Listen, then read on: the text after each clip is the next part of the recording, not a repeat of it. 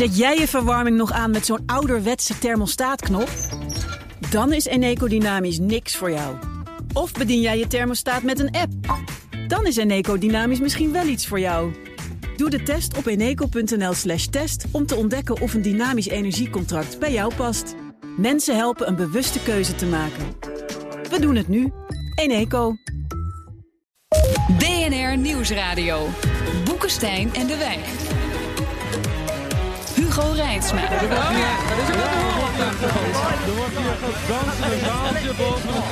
Na de verkiezingen. De stilte.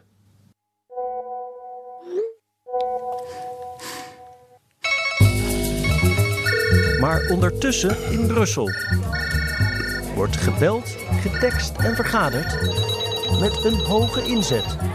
Het programma voor de toekomst van Europa. Welkom bij Boekenstein en de Wijk op zoek naar de nieuwe wereldorde met uw gastheren. Arend-Jan Boekenstein. En diens vaste gesprekspartner. Meestal zijn ze goede vrienden, maar soms liggen ze ook met elkaar overhoop. Arend-Jan Boekenstein. Precies. Ik herken dat, Arend. ga graag in gesprek met mezelf.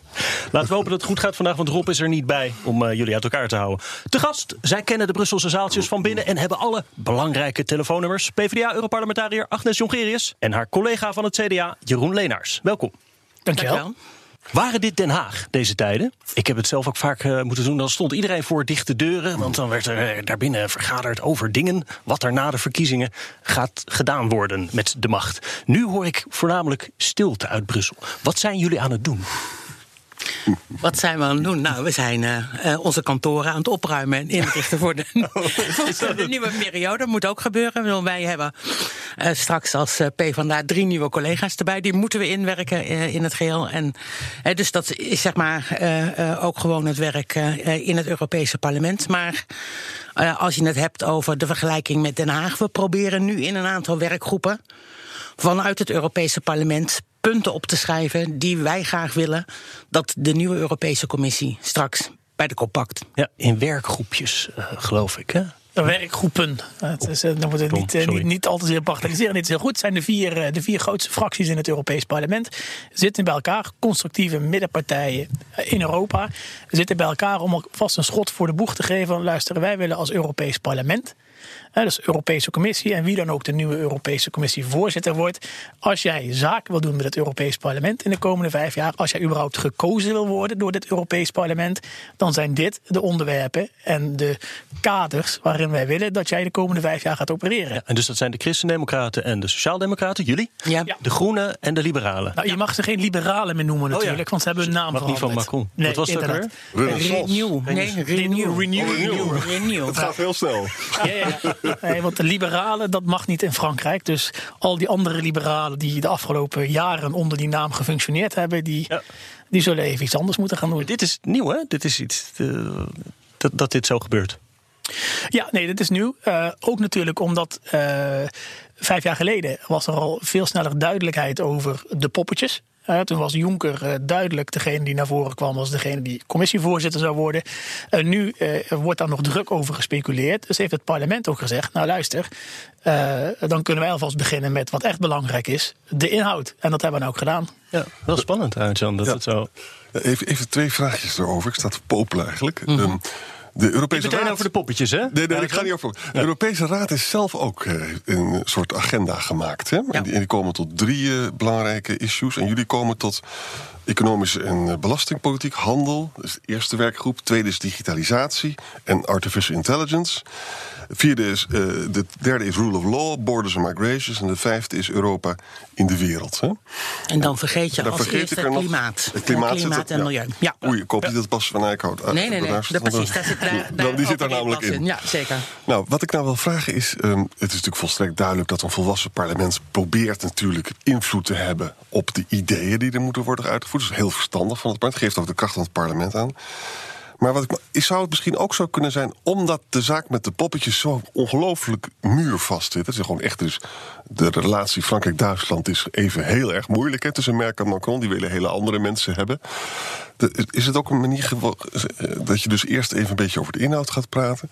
en dan volgt daar misschien ook wel weer een poppetje uit voort... van het beleid dat je gaat vaststellen? Eh, dat is niet hoe ik er eh, naar kijk. Volgens mij heeft het eh, meer te maken. Het is inderdaad nieuw.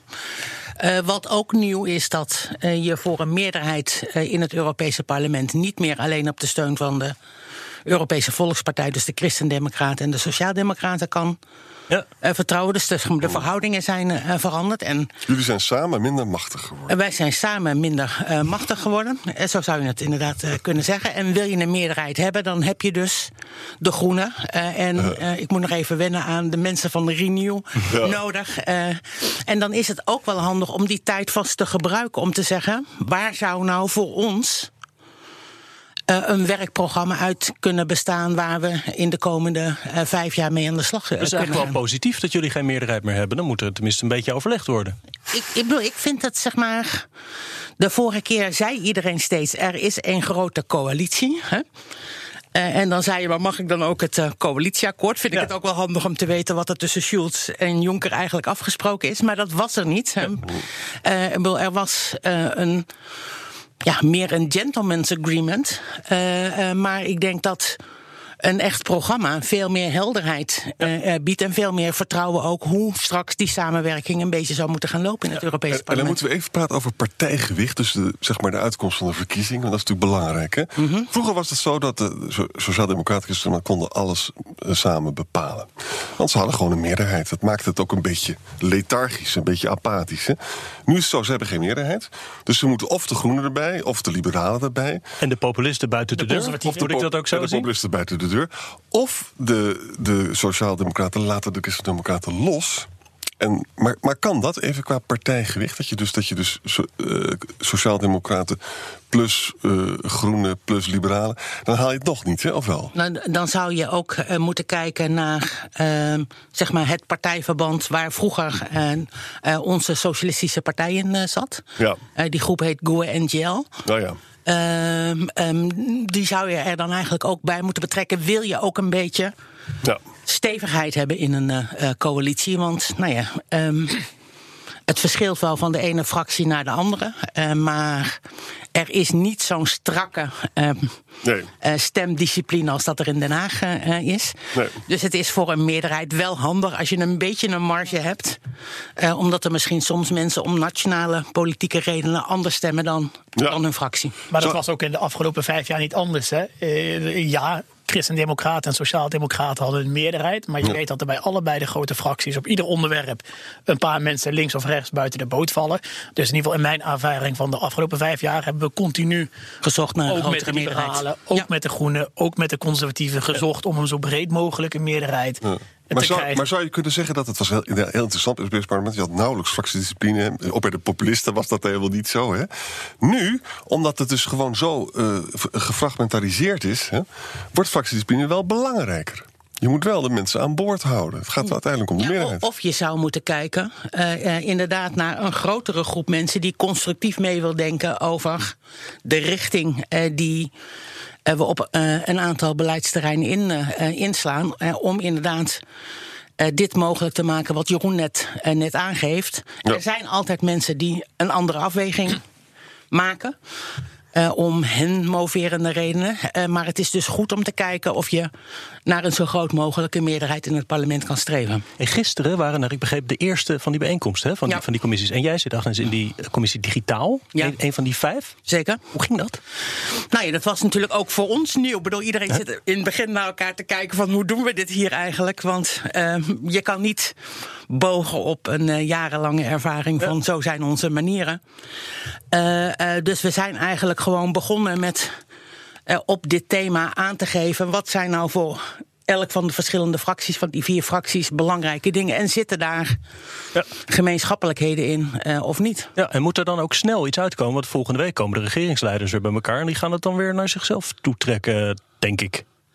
Dat zullen ze. Bedoel, dat, bedoel, uiteindelijk moeten we het ook een keer met die regeringsleiders eh, eh, eh, eh, overeen zien te, eh, te komen. Bedoel, dat is natuurlijk op zich een, eh, een, heldere, eh, eh, een heldere opgave. Wat voor ons eh, belangrijk is, is dat we een programma maken ehm, met, ja, wat zal ik zeggen?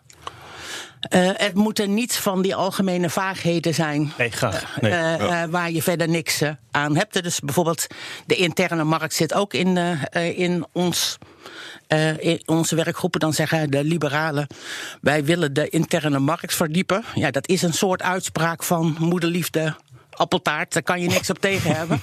Uh, behalve als ik dan zeg maar, betekent dat dan dat sociale regels, interne markt in de weg staan of niet? Hè? Uh, dus je hebt een, uh, een abstractieniveau nodig die ook tot concrete afspraken kan, kan leiden. Want een algemene vage tekst maken, en zo is de Raad ook bezig op dit moment met een algemene vage tekst. Dat is niet de stevigheid die je nodig hebt voor zo'n voor zo'n werkprogramma. Dus wat ons betreft. Uh, Concrete het niet dingen erin, uh, zwangerschapsverlof, minimumloon, dat zijn, dat zijn jullie. Uh, ja, minimumloon zeker. Dat zwangerschapsverlof is net geregeld. Oh, die was al geregeld. en daar hebben net gisteren de ministers van Sociale Zaken ja tegen gezegd. Dus nu kan Wouter Koolmees aan de, aan de slag. maar inderdaad, in alle landen van Europa een minimumloon is een van de dingen waar wij het over willen hebben. En als het over digitalisering gaat, ik wil graag dat Europa normen stelt voor platformwerk. want je ziet overal de Ubers en de Deliveroo's opkomen. Je ziet overal dat ze buiten het bestaande arbeidsrecht vallen. Dat ze vaak ook geen belasting betalen. Uh, dus het is belangrijk dat we daar Europese normen stellen. En Jeroen, kunnen de Christen-Democraten hierin uh, in Nee, maar dit, dit, oh. dit, is natuurlijk, dat gaat allemaal ook wel weer heel erg ver meteen. Hè? En je ziet hey, ook. gewoon even zaken doen. Het, het, nee, nee, maar het, het, gaat er allereerst om dat je gaat kijken. De, de, de situatie is ook zo: de, de, de regeringsleiders die hebben het recht om iemand voor te stellen om voorzitter van de Europese Commissie te worden. Het parlement mag erover stemmen. Wij mogen niemand voorstemmen, voorstellen, zij mogen niemand instemmen. Uh, dus daarom is het belangrijk dat dat programma er ligt. Maar we kunnen dus niet bijvoorbeeld, als ik ga zeggen, ja, die nieuwe voorzitter van de Europese Commissie, die moet met een voorstel komen om in heel Europa een minimumloon te hebben. Dat kun je nooit aan een nieuwe voorzitter van de Europese Commissie vragen, omdat het überhaupt niet mag van de Europese verdragen. Uh, als je het zou willen, dan zul je eerst een verdrag moeten veranderen om überhaupt Europa iets te zeggen te geven over minimumlonen. Nou, dat is er nu niet. Dus het heeft ook totaal geen zin om dat in een werkprogramma waar we nu over bezig zijn te gaan doen. Eh, los van dat ik het sowieso een slecht idee vind. Maar daar, daar kunnen we misschien nog een keer een, ander, een andere uitzending over volpraten. Zo, zo, snap je dus dat uh, die discussie nog wel even tijd te nemen. Want Zie het levendig voor me. absoluut van overtuigd dat het er uh, moet komen. We willen een eind aan die race naar beneden die er in Europa is. En we hebben dus overal een bodem nodig. En die bodem is nou, een minimumloon. Maar welke, in welke landen zie je een probleem, uh, Agnes? Ik, zie in veel Oost-Europese landen. Maar die hebben allemaal een minimumloon. Die hebben niet allemaal een minimumloon. De enige landen in Europa die geen minimumloon hebben zijn landen als Zweden, Finland, Denemarken, Oostenrijk. Omdat het daar gewoon via de sociale partners geregeld wordt. Dat zou juist een sociaaldemocraat van harte aan moeten spreken. Ik zal ook niet zeggen dat ik vind dat het Scandinavisch model op de schop uh, moet. Maar we moeten uh, inderdaad de loonverschillen in Europa aan gaan uh, pakken. Want anders blijven we op dit punt dweilen met, maar de kraan met, met moeten we inderdaad iets aan maar, gaan maar, doen. Maar even, het is interessant. Gisteren las ik een rapport over Polen. Ontzettend interessant. Heel veel migratie geweest. Heel veel mensen hebben daar bezwaren tegen gemaakt. Wat blijkt nou? Die Poolse lonen stijgen nu zo hard. dat er dus heel veel Polen terug zullen keren naar hun eigen land. Precies datgene wat economen voorspelden tien jaar geleden. Mm -hmm. Dus dat is heel goed geweest voor Polen, heel goed geweest voor ons. Nou, nu over die minimumlonen. Op zichzelf. Is, is overigens, daar is Polen wel weer een uitzondering in. Want als je bijvoorbeeld kijkt naar Roemenië en Bulgarije, daar blijft het gemiddelde loonniveau achter. Uh, er gaat ook relatief omlaag. Uh, en dus daar heb je ook nog steeds die risico van sociale dumping. Maar het, maar het grappige is dan wel dat in de plannen van de Sociaaldemocraten Roemenië nou het enige land is wat niks meer hoeft te doen. Ja, die hebben een minimumloon. Dat is volgens jullie eigen definitie al hoog genoeg. Dus daar los je niks mee op. En dan, zou, dan moet ook daar uh, in uh, Roemenië uh, we nog spreken over het loonniveau en de recht op collectieve onderhandelingen. Dus okay, het is, maar dan het is wil je de gemiddelde lonen omhoog overal. Het gemiddelde loon moet ook omhoog. Dat okay, vinden wij dat is nog iets anders. Dat vinden we ook niet alleen. Dat vindt bijvoorbeeld Christine Lagarde van de Wereldbank. Ook. Maar dat los je dus niet op met een minimumloon. U hoort het, de onderhandelingen zijn gestart. Straks gaan we tot conclusies komen, ja. denk ik. BNR Nieuwsradio. Boekenstein en de Wijk. Op zoek naar de nieuwe wereldorde. Dit is Boekenstein en de Wijk. En dat programma is natuurlijk niet zonder Arjan en Boekenstein. Mijn naam is Hugo Reitsma. De gast Jeroen Leenaars van het CDA en Agnes Jongerius van de PvdA. Het parlement is nog bezig. De onderhandelingen zijn we net gestart. U hoorde het. De lidstaten in de Raad die hebben al een conceptstrategische agenda opgesteld. En netjes gelekt. En de prioriteit nummer één daarin was, las ik, de buitengrenzen. Want de binnengrenzen hebben we afgeschaft. Die buitengrenzen, daar mogen nog een paar dingetjes aan gebeuren. Dat speelt geloof ik ook wel echt uh, als, een, als een prioriteit onder de burgers. Wat jullie betreft ook een goede prioriteit voor de Europese Commissie om als eerste op in te zetten? Uh, ja en nee. Uh, ja, topprioriteit. Maar nee, niet direct de taak voor de Europese Commissie. Omdat wat we de afgelopen jaren juist gezien hebben is dat de Europese Commissie heel veel voorstellen gedaan heeft op het gebied van migratie, op het gebied van veiligheid. Dat het Europees Parlement in al die zaken zijn huiswerk gedaan heeft. En dat bij het gros van de voorstellen wij nog wachten tot de Raad, de regering, in ieder geval de ministers, eindelijk een keer met elkaar tot een onderhandelingsmandaat komen. Dus het is een beetje makkelijk voor de Raad om te zeggen: dit is de topprioriteit. Ja, ja, ja, de lidstaten moet... hebben laatst ook iets over Frontex, geloof ik, juist inderdaad weer afgezwakt. Ja, ja, ja, waarom is? Ik begrijp dat niet. Nou, ze zijn, als je het hebt over migratie en asiel, zie je gewoon dat de lidstaten onder elkaar het heel moeilijk vinden om met elkaar tot overeenstemming te komen. Je hebt de zuidelijke lidstaten waar heel veel migranten, asielzoekers aankomen. De noordelijke lidstaten waar heel veel mensen naartoe willen. En oostelijke lidstaten, als ik het heel grof mag zeggen, waar er geen naartoe komen en waar ze het ook graag zo willen houden. En die drie groepen. Eh, die komen niet tot een overeenstemming met elkaar. Niet eens om te gaan onderhandelen met ons in het Europees Parlement. Dus ja, topprioriteit, maar echt een zwaktebod van de Raad om de nieuwe commissie op te gaan roepen dit een prioriteit te maken. Want ze hebben alle voorstellen, alle instrumenten op tafel liggen en ze moeten gewoon aan de bak. Ze zouden eigenlijk gewoon zichzelf moeten oproepen om hier een uh, topprioriteit ja, nou, dat, dat doen ze, Dat doen ze in theorie in de praktijk nooit. Maar dat is wel. Nee, maar we hebben in 2016, op het hoogtepunt van de migratiecrisis, heeft de Europese Commissie zeven voorstellen gelanceerd om het Europees asiel- en migratiebeleid te verbeteren, effectiever te maken, eerlijker te maken. We zijn nu drie jaar verder. Het parlement heeft op alle onderwerpen zijn huiswerk gedaan de ministers van uh, asiel en migratie, van Binnenlandse Zaken, zijn nog steeds rollenbollen met elkaar uh, door de raadsvergaderruimte aan het gaan, omdat ze het niet met elkaar eens worden. Nou, doe daar iets aan voordat je andere mensen gaat oproepen. Oké, okay, en vraag erover. Het gaat natuurlijk over dat de, de, de Oost-Europa wil gewoon geen vluchtelingen opnemen. Dus het is een verdelingsvraagstuk. Hè? Ja. Dit zou toch opgelost kunnen worden? Waar we, waar we ze namelijk wel over eens zou kunnen zijn, is een echt gemeenschappelijk grensbeleid, wat al lang had moeten zijn. En opvang in Afrika. Maar dat dan ook echt goed regelen. Dat wil zeggen, niet in Libië, dat is een puinhoop. Maar in Algerije, kampen waar mensen dus het goed hebben. En daar hoor ik helemaal niks over. Nee, maar dat zijn plannen die, die ook wel um, uh, gepresenteerd zijn. We hebben het ook over die uh, opvang, ontschepingsplatforms gehad in ja. Noord-Afrika. Oh ja. Er is ook geld beschikbaar om dat, uh, om dat te doen. Maar het blijft er wel bij dat niet iedereen altijd daar de veiligheid kan vinden die hij zoekt. En Europa zal ook altijd voor de echt kwetsbaren een rol uh, een verantwoordelijkheid moeten nemen. Uh, en dat moet je dan als Europa samen doen. En voor ons is meer de vraag: uh, Europa is gebaseerd op solidariteit. Wij zijn altijd heel solidair geweest met een heel veel landen in Oost-Europa. Als het gaat om structuurfondsen, regiofondsen. Als het gaat om de relaties met Rusland bijvoorbeeld. De eerste keer dat wij een keer vragen, vanuit Duitsland bijvoorbeeld. Joh, we hebben nu een miljoen mensen bij ons binnengekregen. Kunnen jullie er alsjeblieft 300 overnemen?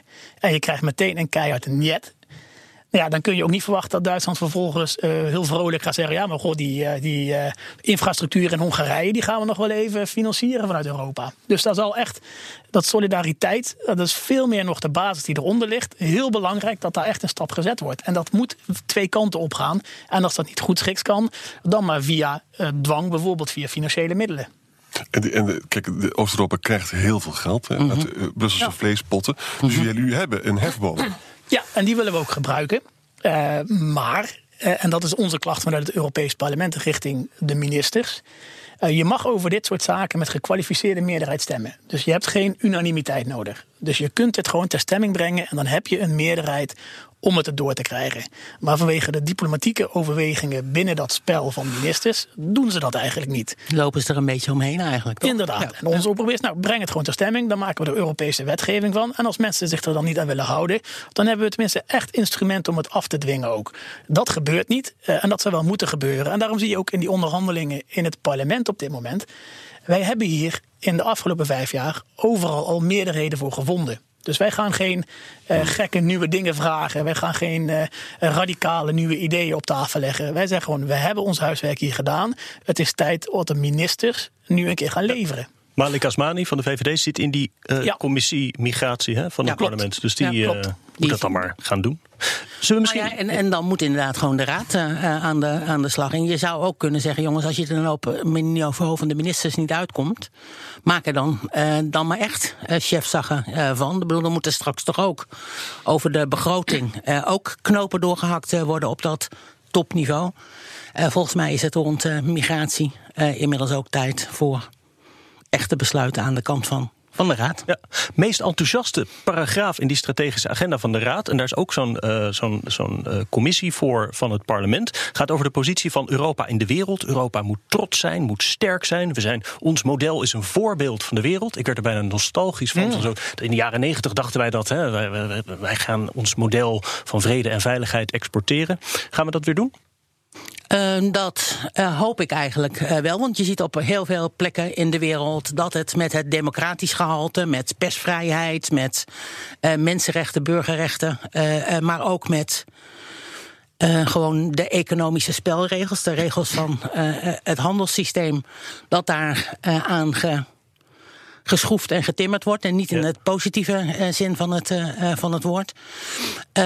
er is natuurlijk de vraag kunnen wij met ons handelsbeleid China uh, op de democratische route krijgen? Uh, dat is misschien wel een beetje te veel gevraagd, maar dat we trots moeten zijn uh, op wat we, wat we zijn en wat we willen zijn.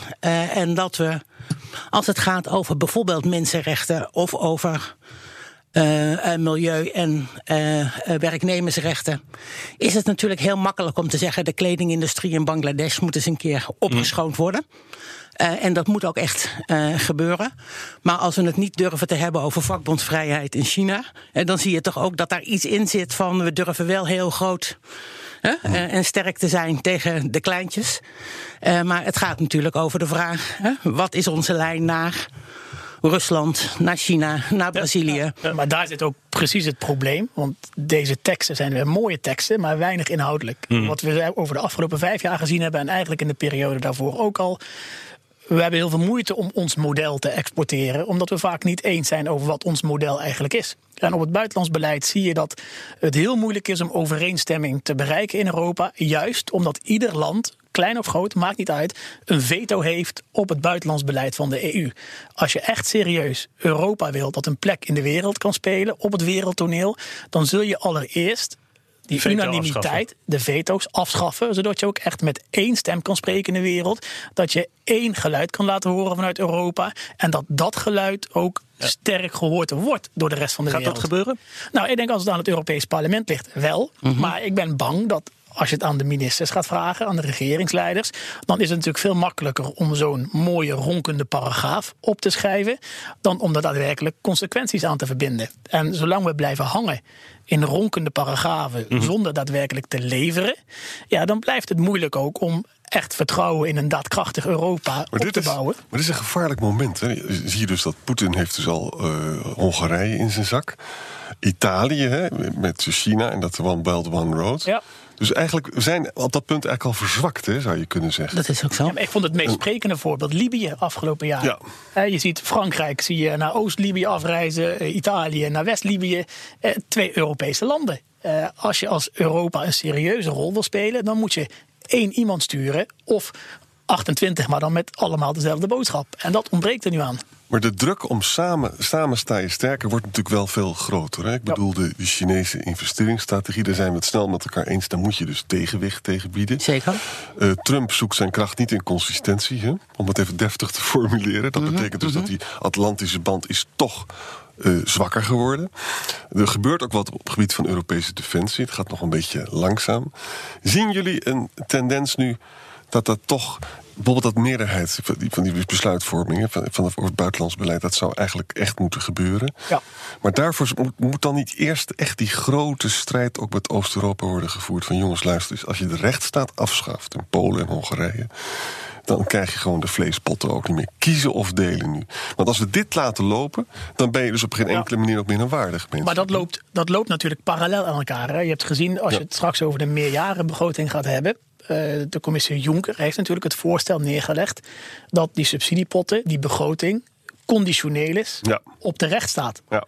Dus als je de rechtsstaat niet in acht neemt, als je die niet promoot, als je die niet beschermt, dan heeft dat gevolgen voor de begroting. Ja. Dus die ontwikkeling die is er. Die discussie vindt plaats in het kader van die meerjarenbegroting. En Nou ja, en, en zeg maar naar China zie je dat eigenlijk voor het eerst eh, Europa ook een strategie maakt over Ja. eh, het eh, screenen van investment. En dus niet zomaar allemaal eh, alles meer verwelkomen, eh, omdat het hè, nou eenmaal. eh, geld is. Dus er worden wel stappen gezet. Eh, de grote vraag is natuurlijk eh, dat gezien de turbulentie in de wereld om ons heen, Ja. zijn die stappen eh, groot en snel genoeg eh, gezet. Dat is eigenlijk volgens mij de kernvraag. Even nog, we hebben nu wat verschillende punten genoemd. En, en dat er hele mooie ronkende teksten aankomen. Van de Raad. Hè? En dus Van de- daarom is, is het Ja. volgens mij eh, des te belangrijker dat het Europese parlement wel concrete afspraken Ja. maakt. Want van die ronkende teksten, Ja. daar koop je niet zo heel veel Komt voor. daar dan ook een soort overkoepelende visie voor wat Europa de komende vijf jaar moet doen? Ehm, wat, Of zijn het gewoon dingen? wat ons betreft wel. Ja. En dat ook een van de. Dus je hebt de vijf eh, werkgroepen. Je hebt ook eh, het overleg van de leiders van die eh, vier politieke families. En dat alles bij elkaar moet tot een consistente tekst leiden. En daar hoort wel een algemene inleiding. Wat willen we nu dat in Europa echt anders gaat? Wat het nog wel een klein beetje ingewikkeld maakt natuurlijk... is omdat de sociaaldemocraten en de liberalen... als je ze zo nog moet noemen, nog geen idee hebben... wie de leider dan moet gaan worden in de komende weken. Dus dat maakt het, het wordt- overleg er wel ons- wat lastiger bij, bij ons wordt dat dinsdag gekozen. En volgens mij staat ook de verkiezing van de leider van de Renew-groep dinsdag op de agenda. En zo kom je toch altijd weer uit bij de poppetjes. Voor de radio moeten we het hierbij laten. Op de podcast gaan we nog even door met luisteraarsvragen. Ik verwijs naar iTunes, Spotify of uw eigen podcast-app. Daar kunt u ook vragen stellen en commentaar kwijt. En Yvette eh, van Rijssen vraagt... Salvini is toch ook een grote winnaar tijdens de Europese verkiezingen. Waarom wordt er niet met hem gepraat? Eh, omdat eh, hij, eh, ik weet eigenlijk nog niet eens waar gaat nou Salvini, in welke politieke familie komt hij nou Eh, terecht? Salvini heeft een, een nieuwe fractie opgericht. Die heet ID. Dat is identiteit en Democratie. democratie, denk ik. In ieder geval de afkorting ID. En ja, ze hebben gewonnen. Maar als je kijkt met wat voor ambities ze begonnen. eh, om bij wijze van spreken een derde van het parlement over te nemen. Ze zijn nu de vijfde grootste fractie eh, van het Europees Parlement. Ze hebben geen enkele intentie om op een constructieve manier samen te werken met ons. Dus dat heeft voor ons ook totaal geen zin om die bij, de, bij deze onderhandelingen te betrekken. Eh, als ze mee willen doen op een constructieve wijze eh, met geven en nemen, dan kun je altijd met ze praten. Maar dat is totaal niet relevant op dit moment. En wat ook belangrijk is, de populisten zijn verdeeld. Hè? Eh, Sommige, Salvini is bijvoorbeeld pro-Poetin, maar Polen is heel erg tegen. Er- Er, zijn, er zijn, komen denk ik ook meerdere Ja. eh, eh, eh, populistische fracties in het parlement. Ja, en die zijn op vele punten met elkaar verdeeld. Ook ten aanzien van de euro zijn ze verdeeld. Ja, ja. Anton van Steeg vraagt... gaat Brussel straks ook regelen dat hier in Amsterdam... de huizenprijzen omlaag gaan? Eh, ach, Ehm, dat zou een geweldige ambitie zijn, maar ik zou niet heel goed weten hoe we dat zouden moeten, eh, hoe we dat zouden moeten doen.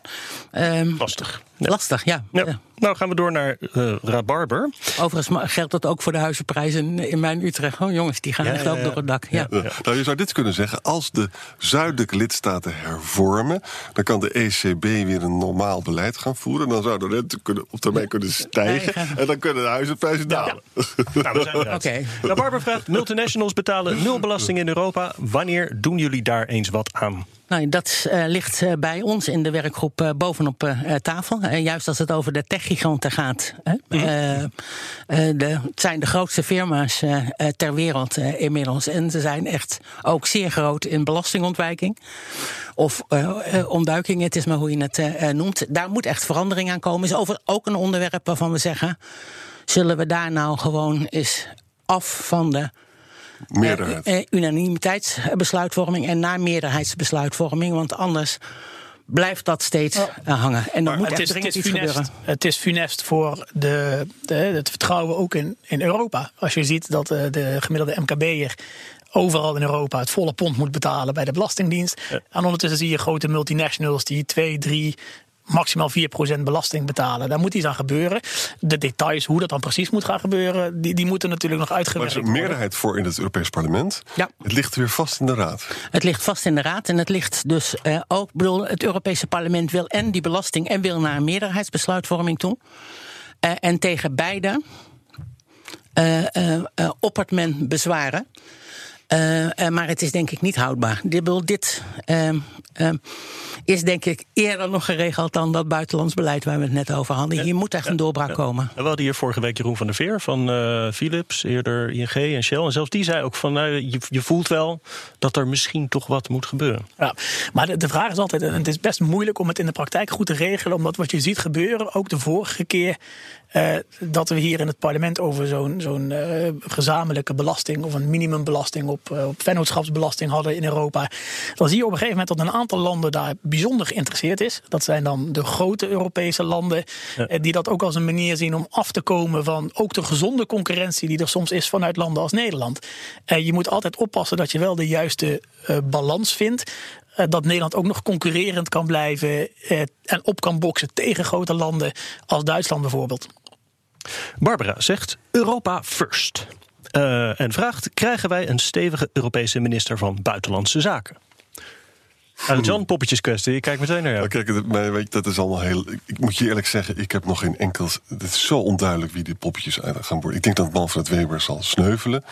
Nou, als dat betekent, dan, dan willen de Christen-Democraten natuurlijk weer wat anders uh, bedenken. Want het blijven wel de grootste partij, hoewel ze maar 34% hebben. Wie het misschien zou kunnen worden, is Timmermans. Hè, die Mogherini kan opvolgen. Maar dat hangt van ontzettend veel dank van de ECB af. hangt van heel veel dingen af. Agnes, mooie ja. troostprijs voor Timmermans? Nou, ik denk dat hij gaat voor de hoofdprijs. Uh, en terecht. uh, uh, dus ehm, volgens mij, hij denkt nog niet aan troostprijs. En daar heeft hij groot gelijk in. Dus dat ook vanuit, vanuit Nederland, dat ook als de minst begeerlijke positie gezien wordt. Hè? Want je bent continu in het buitenland. Je hebt weinig invloed op de interne ja, ja. machine van Europa. En, bent, en, plus, laat ook, want uh, poppetjes hebben we al een paar keer genoemd. Maar het gaat ook echt, wat kan zo iemand doen? Hè? En het maakt niet uit hoe sterk de persoonlijkheid van een nieuwe uh, high representative is. Als die continu uh, 28 ministers van Buitenlandse Zaken heeft. die met andere boodschappen naar dezelfde plekken toe gaan. dan waar hij heen gaat. Je nog heeft het, dan kun je zo sterk zijn als persoon. schiet je niks meer op. Dus ja. dat uh, gezamenlijke, eenduidige geluid vanuit Europa is veel belangrijker. We blijven in het buitenland, want Reinier Bosman en Baby Grandpa zeggen graag de visie van de heren en, en dame. Okay. Um, voeg ik er even aan toe. Ik op het graag naar wat de man uitleveringsplan van China ten aanzien van de inwoners van Hongkong. We zagen ook nog uh, Kiefer Hofstad, die twitterde uh, bij filmpjes van Europe is watching. Nou, dat is mooi. Maar wat gaan we dan doen? Ik weet niet wat Europa gaat, uh, gaat doen. Ik denk dat um, als je de, de, verslagen hoort vanuit Hongkong. Uh, dan denken zelfs de demonstranten dat ze het niet kunnen winnen van China. maar willen ze wel deze gelegenheid als mogelijk laatste gelegenheid. Dat ze nog de straat op kunnen en kunnen protesteren ge gebruiken. En het is natuurlijk eigenlijk diep treurig. Ik vind het ook diep treurig dat, ik zei het net al eerder, dat we tegen sommige kleinere landen enorm stoer uh, doen en dapper. Maar dat we tegen China. joh, joh, joh, dan zeggen we achter de hand ook nog iets over mensenrechten en, en vrijheid en recht op demonstratie. Maar we willen vooral niet de economische belangen in het geding brengen. Bevalt mij niet echt. Renier Bosman overigens, die, die wees erop dat in die filmpjes van, uh, uit Hongkong mensen daar toch niet met een Europese vlag, maar met de Britse vlag stonden te zwaaien. Ja, nee. Hongkong heeft natuurlijk ook een bijzondere ja. geschiedenis wat dat betreft. Maar ik, ik, vond een andere foto vond ik heel tekenend. En dat was van al die, uh, al die mensen die in het metrostation uh, aanstonden te schuiven voor de kaartjesautomaat. Ondanks dat ze allemaal gewoon een, uh, een pasje hebben waar ze mee in kunnen checken. Omdat ze doodsbang waren dat vervolgens de overheid na kan gaan. op basis van het digitale spoor. wie er allemaal wel en niet bij die demonstraties was geweest. En, China heeft Skynet, hè? face recognition. Ja. Het is onvoorstelbaar. 20 miljoen cv-camera's overal. En je kan dus soms ook de metro niet meer in, omdat je dus allemaal foute dingen hebt gedaan. Ja. Ze hebben een punten, sociaal puntenstelsel. Het is gewoon Big Brother is Watching You Turbo. Ja? Absoluut. Kortom, dat Europese model is er nog niet als je het vergelijkt met die Chinezen. Dit was weer Boekenstein naar de Wijk. Namens Arend-Jan Boekenstein en Rob de Wijk zeg ik dank voor het luisteren. Speciale dank aan Agnes Jongerius en Jeroen Leenaars. En tot volgende week.